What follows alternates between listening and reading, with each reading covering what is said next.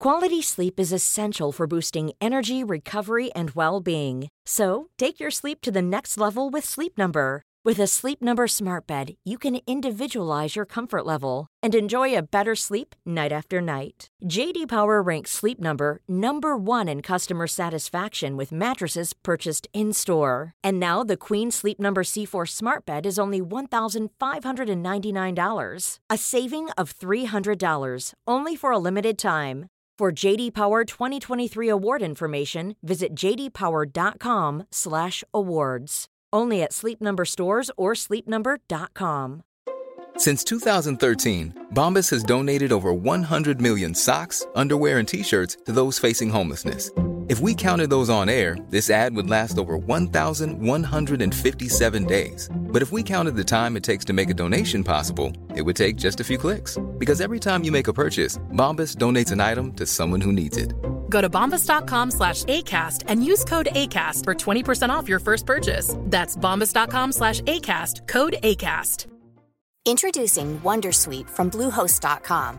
Website creation is hard, but now with Bluehost, you can answer a few simple questions about your business and get a unique WordPress website or store right away. From there, you can customize your design, colors, and content. And Bluehost automatically helps you get found in search engines like Google and Bing. From step-by-step guidance to suggested plugins, Bluehost makes WordPress wonderful for everyone. Go to bluehost.com/wondersuite. Den här veckan presenteras Market Makers av inga mindre än IKEA. Och det här, Fabian, ligger mig varmt om hjärtat. Eh, det var ju några år sedan nu, men då var jag faktiskt med och inredde kontor till företaget jag drev. Men vi, och vi körde faktiskt i princip uteslutande möbler från IKEA, med kök och hela rubbet.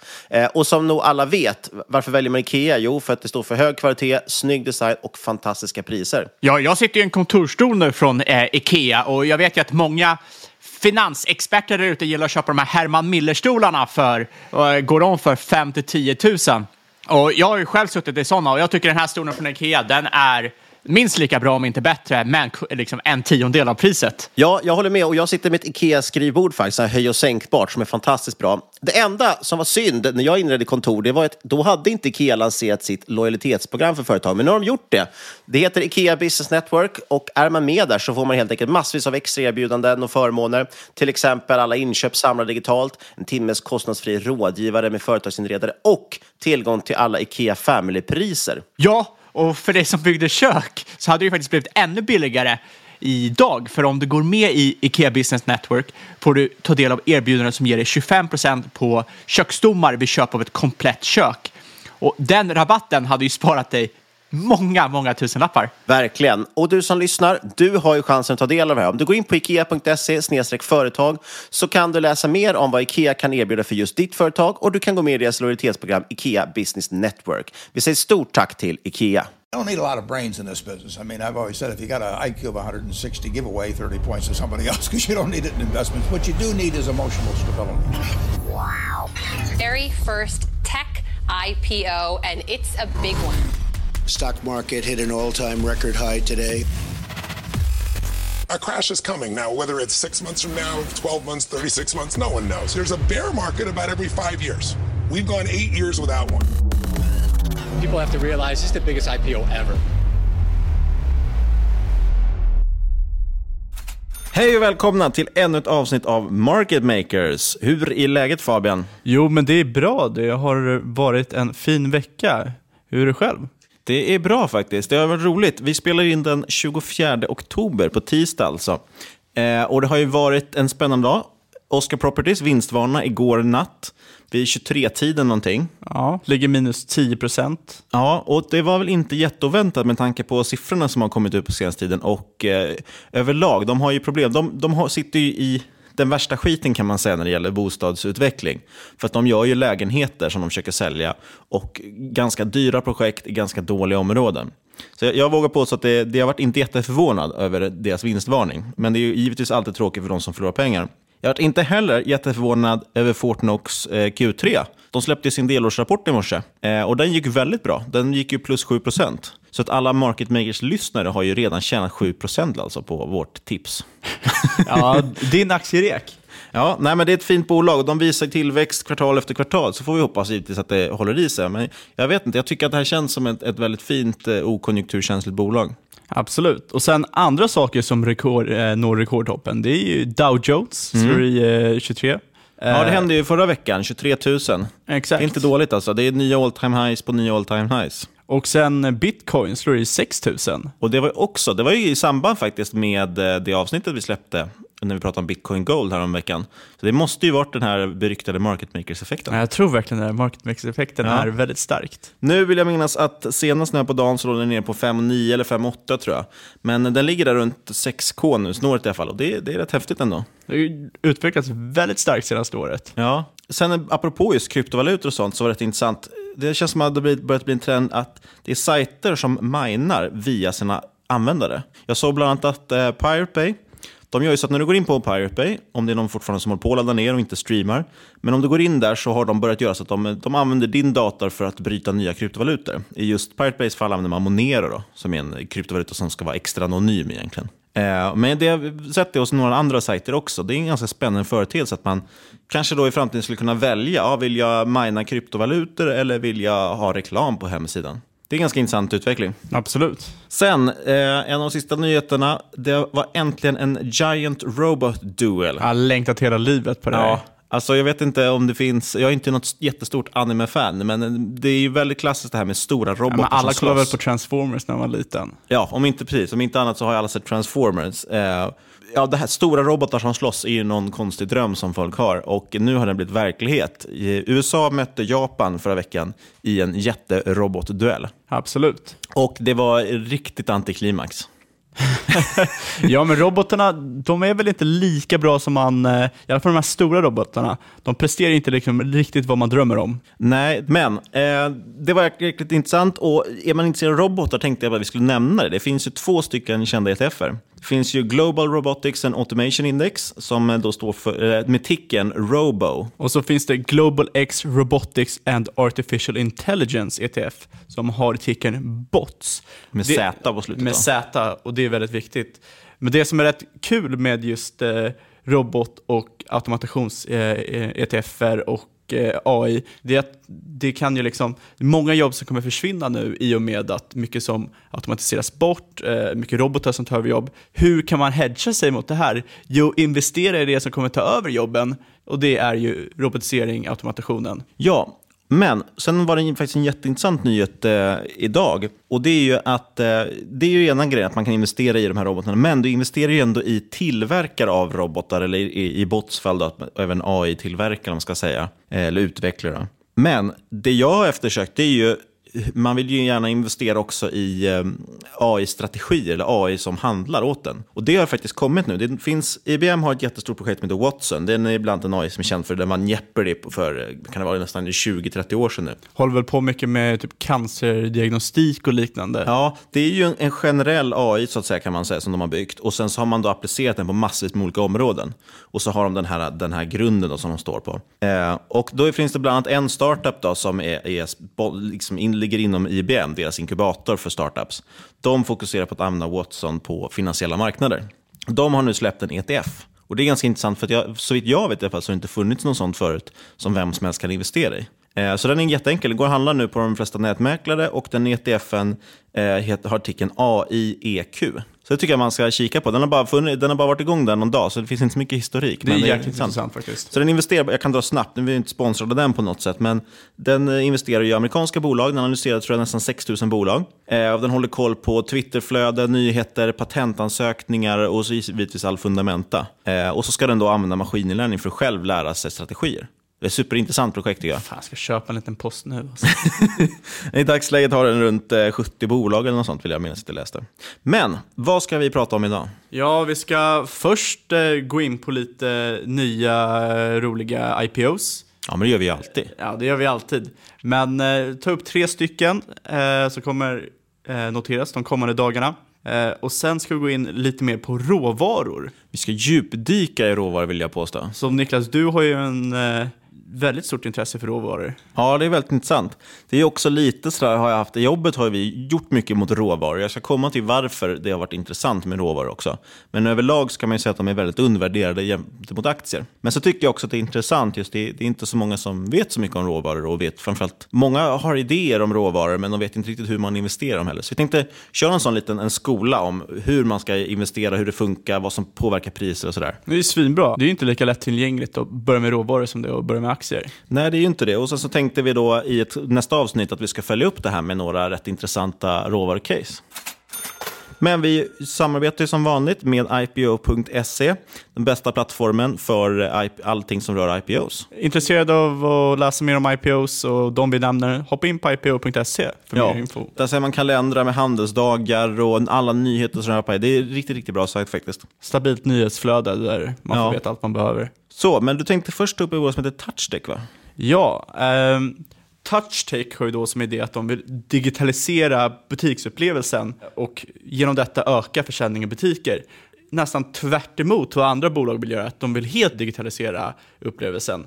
Om ni tänker till exempel Alibaba som vill ta allting online, så vill TouchTech ta det som är online till butiken. De vill att du ska kunna scrolla och hitta nya liksom, saker inne i butiken via deras eh, lösningar. Och vad är då lösningen? Det handlar i stort sett om touchskärmar som visar produkterna.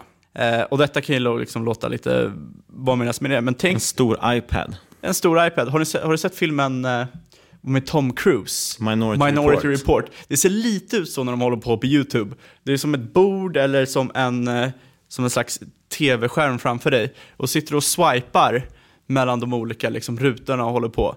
Ja, men så om man ska köpa en bil då till exempel, eh, vet jag att de nämner som exempel, för då är det ju mycket konfigurationer, man ska ha läderklädsel och, och vilken lack man ska ha och allting. Exakt, och de, de har två produkter. Eh, den ena heter TouchTech Lima och den andra heter TouchTech Vendo. Och då Lima, som du nämner, eh, ska användas för lite mer komplexa och eh, konfigurerbara produkter, som bilar. Eh, och då är väl meningen att du ska ha en, liksom, en bild på bilen och du ska kunna välja mellan olika kategorier och eh, olika liksom, möjligheter och hur du ska kunna, liksom, du ska kunna konfigurera det liksom, rätt fritt. Eh, och framför dig ska du då liksom få en fullständig bild över hur, hur det kommer se ut. Och det här ska du kunna göra i butiken istället för att sitta och kolla på en, eh, en standardbil så ska du liksom kunna säga bara, ah, men, nej, här, men det här är din drömbil, det är så här du vill ha den. Sen har de även en, den här produkten som nu heter TouchTech Vendo och används lite mer för standardiserade produkter som typ kläder och inredning. Och då är det väl liksom att ja, du ska kunna säga så här ser slipsen ut, eh, så här kanske slipsen ser ut med lite annorlunda material och så ska du kunna scrolla igenom det utan att butiken faktiskt har allting på lager. Eh, du ska kunna få möjligheten att se vad butiken erbjuder utan att butiken faktiskt har det där. Ja, jag måste ändå säga att jag är lite tveksam till det. Det låter ju väldigt likt bara det man gör på nätet, fast man ska stå i en butik och göra så alla andra ser. Ja, jag testade någon liknande sådär faktiskt när jag var i New York. Då hade de på, om det var Adidas eller Nike, körde någon sån i sin butik där man kunde göra, designa sina skor minns jag bland annat och sådär. Ja, men det är i alla fall, det kan ju vara ett intressant bolag. Jag vet ju, Alexander Bard som jag pratade med någon gång, pratade om att det här med att eh, öka upplevelsen i butiker, det tror jag han kommer bli det nya stora. Dock tror jag att han kanske mer mot AR, men det känns ju som att det här kommer glida in i det så småningom också. Ja, för att man, frågan är ju att kommer det vid en viss tidpunkt vara helt digitaliserat eller kommer liksom människan fortfarande tycka om att gå ut på stan och gå in i butiker? Eh, troligtvis kommer på ett eller annat sätt folk fortfarande liksom tycka om att gå i butiker från, ifall man inte har något bättre för sig.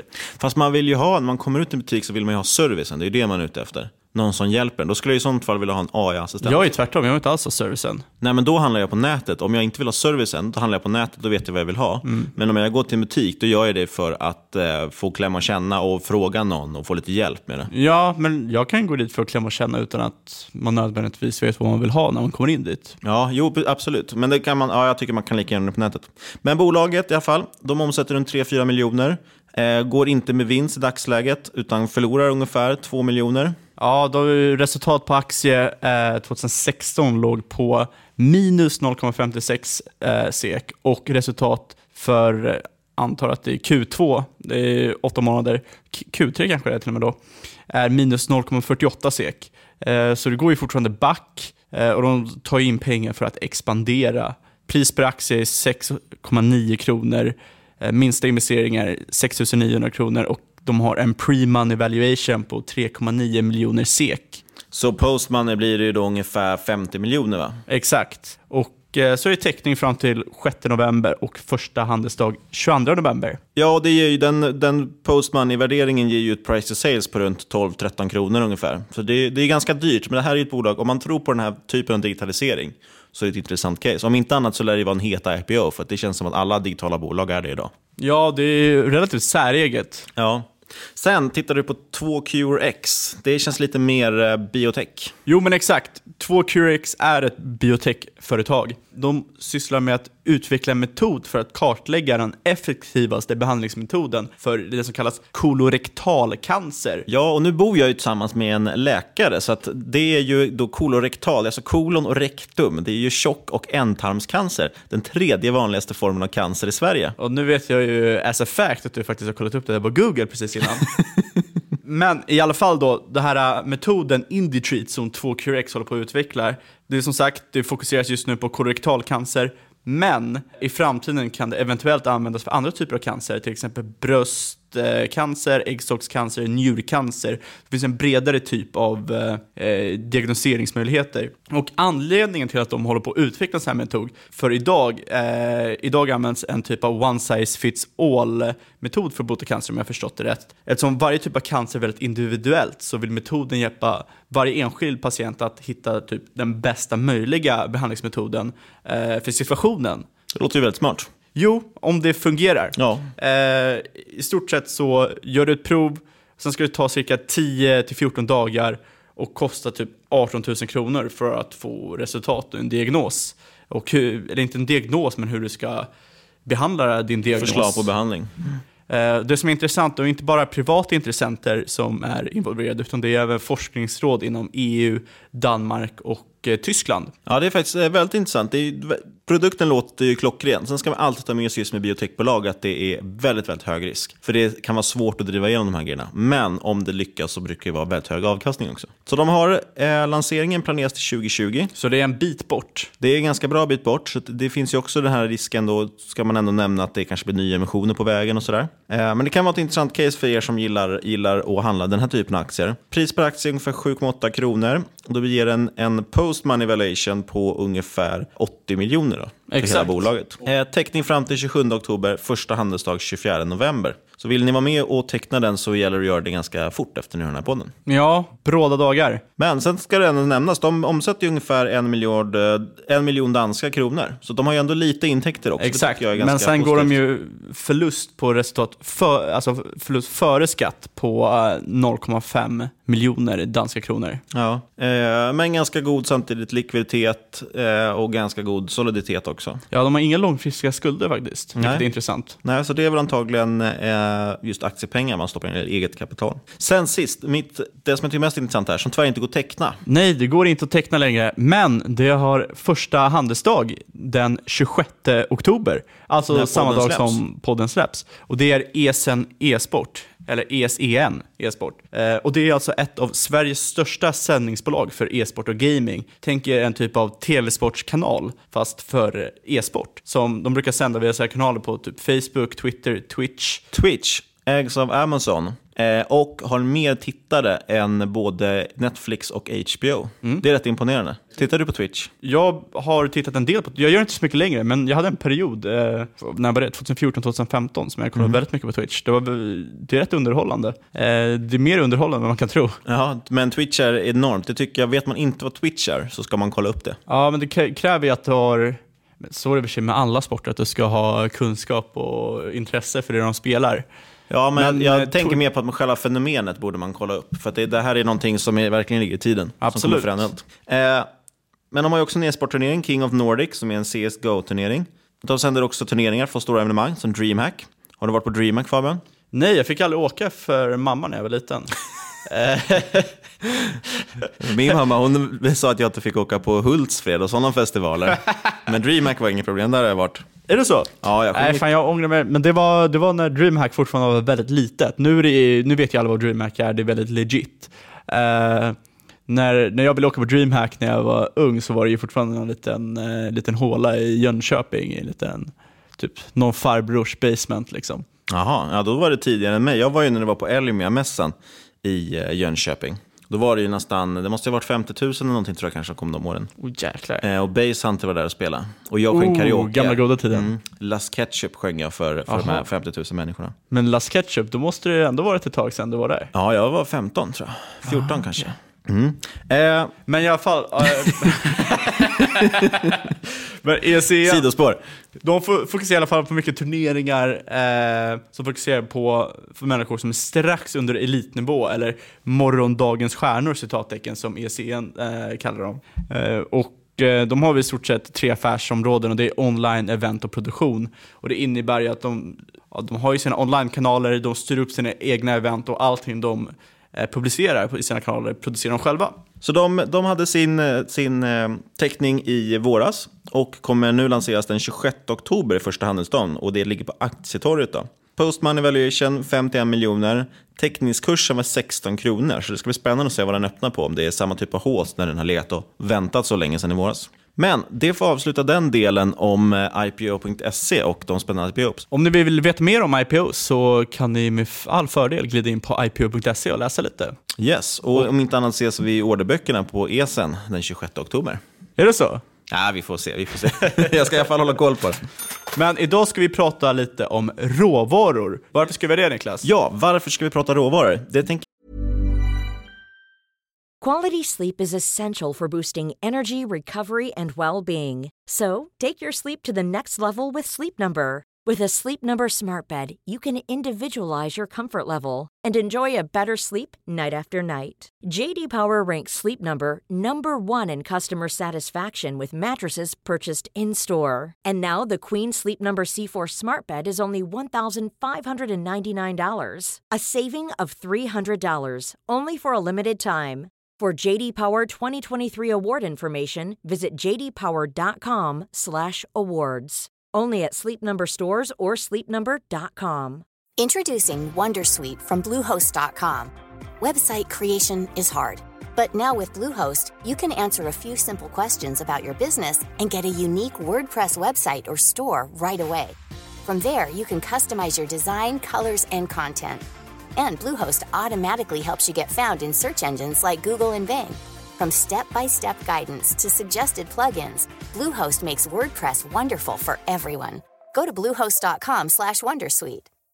Ryan Reynolds here from Mint Mobile. With the price of just about everything going up during inflation, we thought we'd bring our prices down.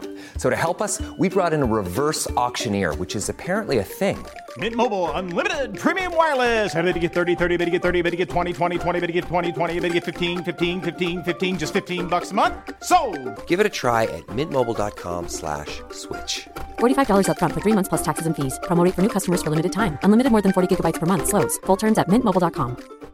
Hey, Dave. Yeah, Randy. Since we founded Bombus, we've always said our socks, underwear, and t shirts are super soft. Any new ideas? Maybe sublimely soft. Or disgustingly cozy? Wait, what? I got it. Bombus. Absurdly comfortable essentials for yourself And for those facing homelessness. because one purchased equals one donated. Wow, did we just write an ad? Yes. Bombas. Big comfort for everyone. Go to bombas.com slash ACAST and use code ACAST for 20% off your first purchase.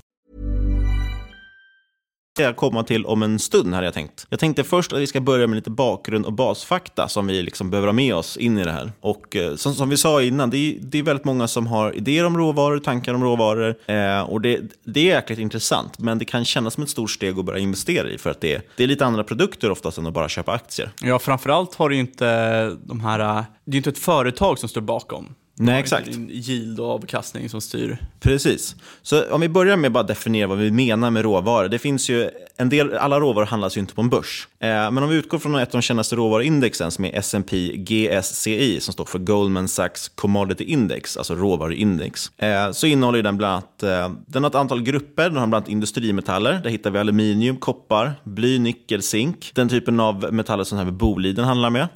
Som hade sin Q3 idag för övrigt, som inte såg jätterolig rolig ut. Sen finns det ju då en, en grupp med där guld och silver ligger i. Där har man ädelmetaller. Trots då att silver kanske oftast anses ändå som en industrimetall också. Eh, men den ligger i alla fall där under ädelmetaller. Och det är väl här, guld har ju nog alla en, en åsikt om som håller på med investeringar. Ja, guld är väl eh, den typiska liksom, libertarian-investeringen. Verkligen. Men sen inom råvaror har även de här liksom lite annorlunda, lite roligare, som de flesta inte tänker på. De flesta tänker på guld, silver och aluminium och liknande när de tänker på råvaror. Det finns även liksom jordbruk, där det inkluderas vete, majs, sojabönor, liksom bomull och socker.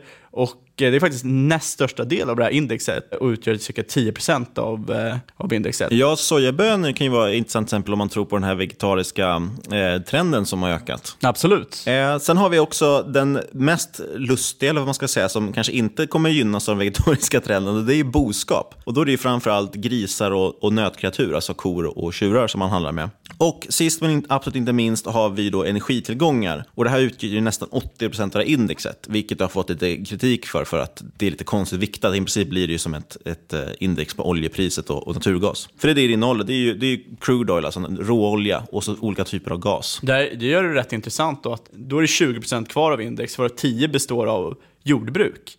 Men man, man, man skulle väldigt enkelt kunna tro att det är guld som utgör majoriteten av det, eller Exakt. liknande. Om man tänker så här, vad innebär att man handlar med råvaror? Då? Vad, vad är det man köper för någonting? Jag tänker, för en aktie är ganska enkel att förstå ändå. Du köper en andel av ett företag, tanken är att företaget ska gå med vinst och då ska du få utdelning av den här vinsten. Så den har alltså en yield, en avkastning. Sen har det blivit så, så som marknaden ser ut så är det ändå väldigt mycket spekulation. Man tror att vinsterna ska öka och då kommer priset öka på aktien. Men grundtanken är ändå det här, du vill ha yield, du vill ha någon form av avkastning. Och det har du ju inte med råvaror. I, i råvaror och även valutor så är det ju bara spekulation det handlar om. Så det är alltså utbud och efterfrågan man måste ha koll på. Eh, kommer priset gå upp eller kommer priset gå ner? Och då beror det givetvis lite på vad det är för typ av råvara. Vad styr utbud och efterfrågan? Vilken av dem är viktigast? Och det är det här som är jäkligt intressant att analysera, tycker jag i alla fall. Så om vi, bara, vi tar några exempel som kan vara intressanta. Det är, det är rätt kul att förstå dem också, för att de driver mycket av världsekonomin. Om vi tar oljan då, den placeras ju främst på utbudssidan egentligen. Hur billigt kan vi producera olja? Vi har ju, delvis har vi OPEC som sitter, i den här sammansvärjningen som sitter och försöker styra priserna genom att ha produktionsneddragningar och sånt. Men i, i grund och botten är det ändå just, kan du göra det billigare, dy, eller kan, vilket pris kan du tillverka oljan för att ändå gå break-even? Om man tittar till exempel det vi har haft, nu har vi ju det här fracking, alltså sån här skifferolja som gör att det blir jättebilligt och då har oljepriserna gått ner väldigt mycket. Men innan man kom på den tekniken så var det ju väldigt dyrt med olja.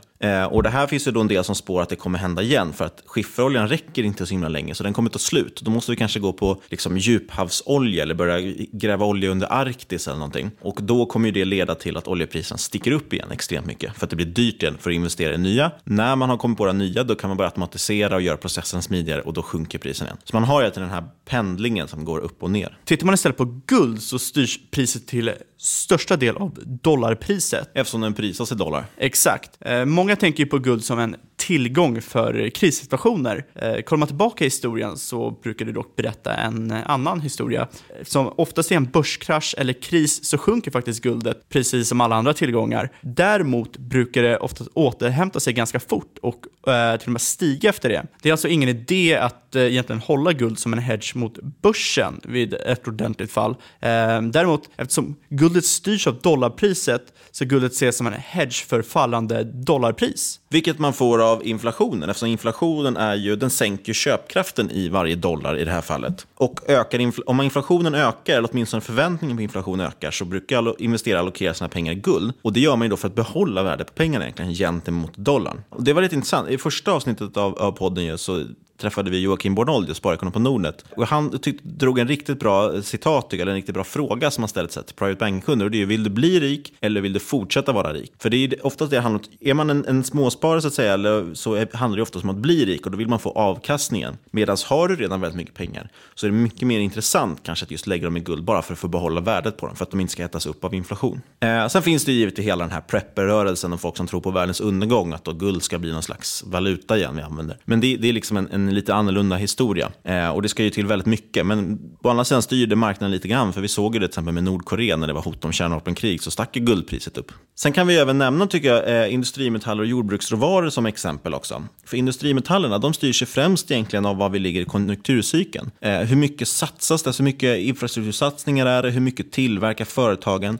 Allt det här drar ju ut industrimetaller ur marknaden. Och det var därför vi såg en sådan ökning i råvarupriser när eh, Trump lovade infrastruktur, eh, infrastruktursatsningar. Exakt. Eh, och I dagsläget så är det ganska intressant för den största efterfrågan kommer från Kina. Och vilket jag tycker, jag tycker är märkligt, tycker jag i alla fall, att i västerländsk media skriver man ingenting om det här. Men då- Kina överlag är väl ett underskattat att skriva om i eh, svensk och europeisk och västerländsk media Verkligen. överlag. Vi har ju eh, man hör ju ögon- ingenting om det. Nej, vi har ju våra ögon fokuserade på USA, vilket jag tror eh, kommer vara en dålig strategi över tid. Jag menar, alltså om du tar upp de största kinesiska bolagen för majoriteten, skulle, skulle liksom, eller bara fråga vad är det största kinesiska bolaget eller de största techbolagen, så skulle, kan de flesta inte svara på det. Nej, men Eh, andra sidan fast de- sitter alla hemma och, och handlar på Wish. Exakt. Idag. Eh, men det är, det är också en sidohistoria. Men eh, de har ju sitt initiativ nu bland annat One Belt One Road, som är världens största infrastruktursatsning i historien. Vilket gör att de, är ju, de importerar i princip all koppar, all stål, allting de kan hitta. Helt enorma mängder. Det här projektet ska sträckas över i princip hela Asien, Oceanien, eh, Europa och delar av Afrika. Helt enormt och det ska byggas massvis. Så det, det styrs väldigt mycket, de här industrimetallerna styrs väldigt mycket av hur mycket det tillverkas, hur mycket man behöver dem egentligen. Det är mer, mer efterfrågan än utbud. Gäller jordbruksvaror så beror det givetvis lite på vilken det gäller, men generellt är det rätt intressant för här spelar ju väder och sådana saker väldigt stor roll. Så om man är intresserad av det så är det här kanske någonting man skulle kika närmare på. Eh, för det är ju så, dåligt väder ger dålig skörd och då stiger priset. Till exempel såg vi det här med priset på apelsinjuice eh, tidigare i år efter de orkanerna som slog mot USA så var det just stora delar av USA som inte kunde tillverka apelsiner och då steg, steg priset på apelsinjuice väldigt kraftigt under en kort tid. Och där måste vi ju nämna filmen Trading Places, eller Ombytta Ja, roller. En fantastisk film. Eh, och Trading Places handlar om att Dan Aykroyd och Eddie Murphy handlar futures för råvaror. Terminer alltså. To- terminer, exakt. Eh, och det kan låta roligt för att de handlar saker som pork bellies och orange juice. Men sanningen är att i USA går nästan allt, allting att handla på börsen, förutom en sak, det är lök. Eh, det är olagligt sedan 1958 att handla terminer för lök i USA. Och varför är det så? Eh, 1955 så bestod 20% av råvaruhandeln på Chicagobörsen av lök. Två traders insåg shit, vi kan tjäna fett mycket pengar. Eh, så de började köpa stora mängder lök och lökfutures under 1955 och de lyckades köpa upp cirka 98% av Chicagos löklager. Detta drev upp priserna. Sedan började de shorta eh, lökterminerna och samtidigt eh, bara sälja ut på marknaden all lök de hade, vilket fick priset att totalkrascha eh, eftersom eh, tillgången explosions, eh, ökade explosionsartat. Eh, 1955 så kostade en 22 kilos påse med lök 2 dollar 75 cent och i mars 1956 så kostade samma påse 10 cent. Det var alltså billigare att köpa löken i påsen än att köpa själva påsen. Det är rätt otroligt. Det är rätt intressant. Värdeinvesterares våta dröm. Ja, lite.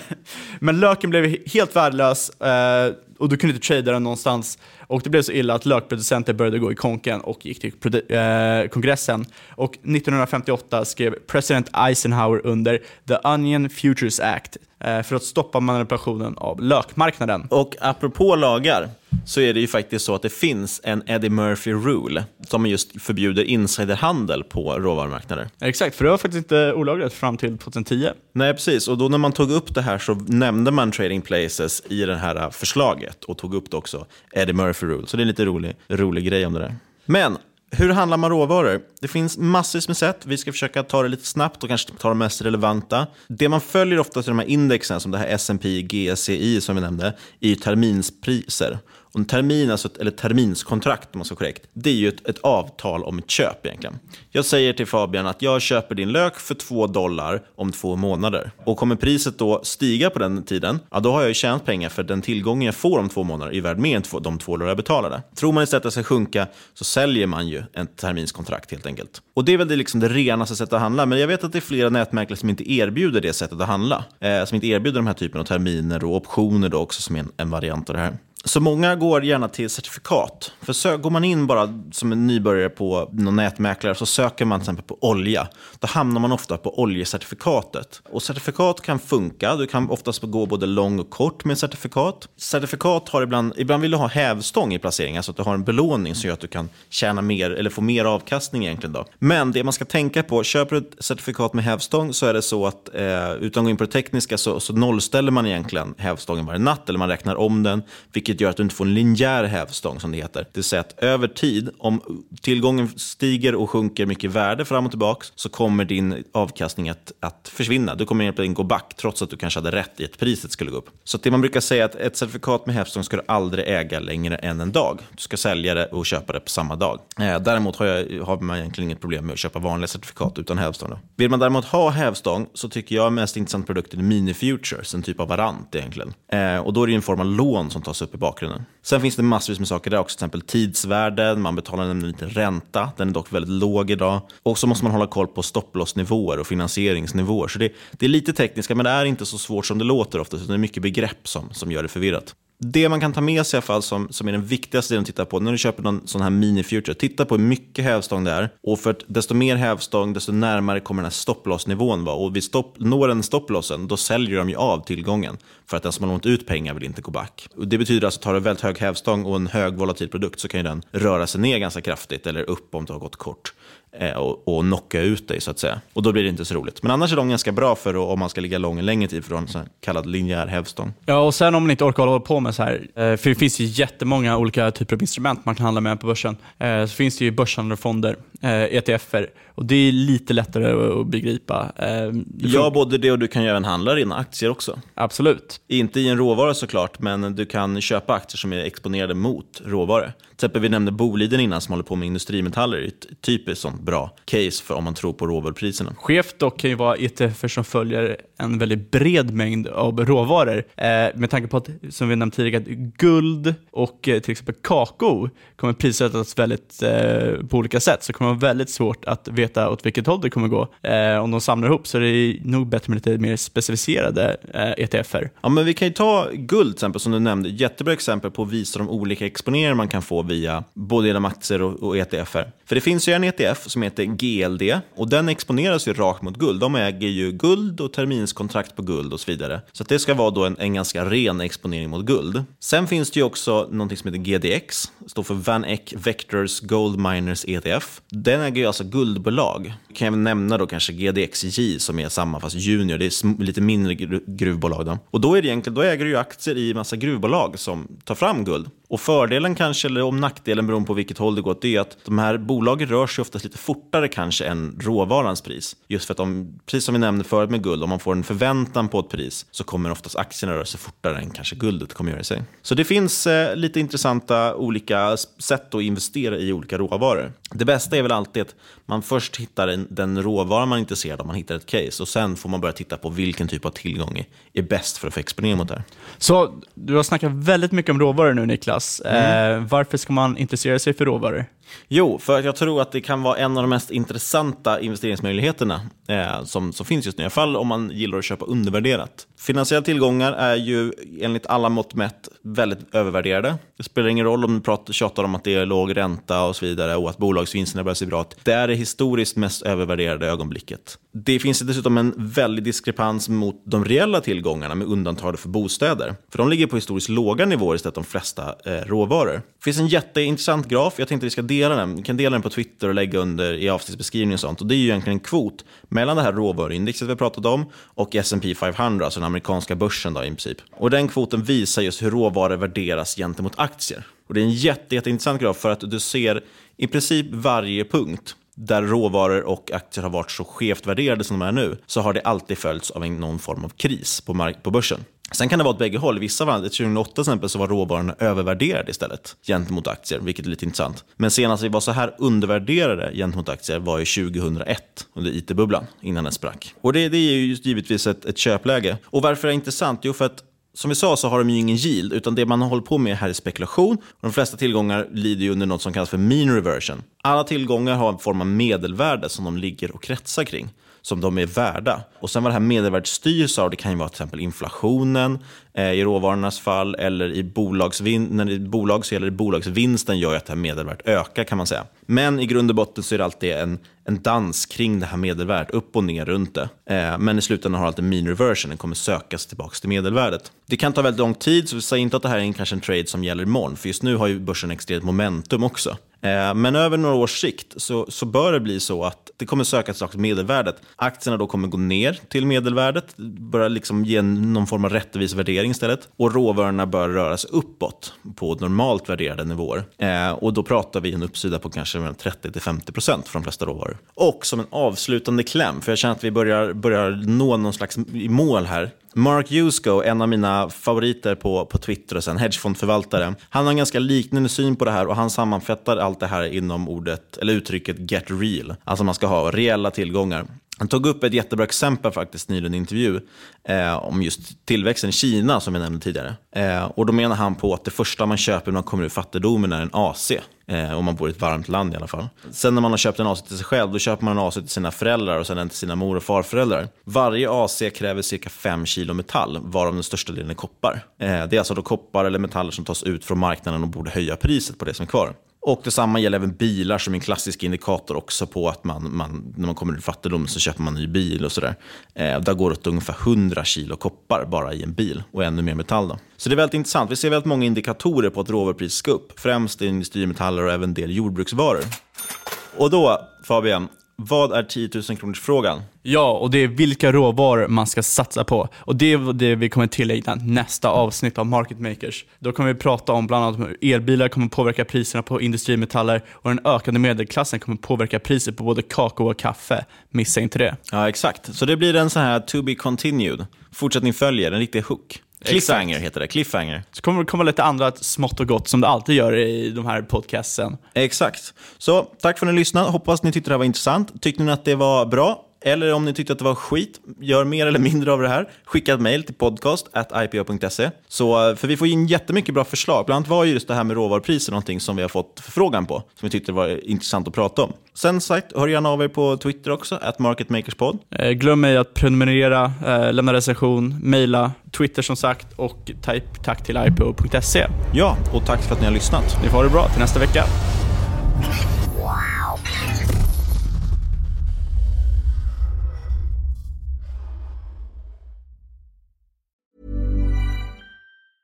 Have you ever Googled your own name? Prepare for a shock because your personal info, including addresses and phone numbers, is all out there.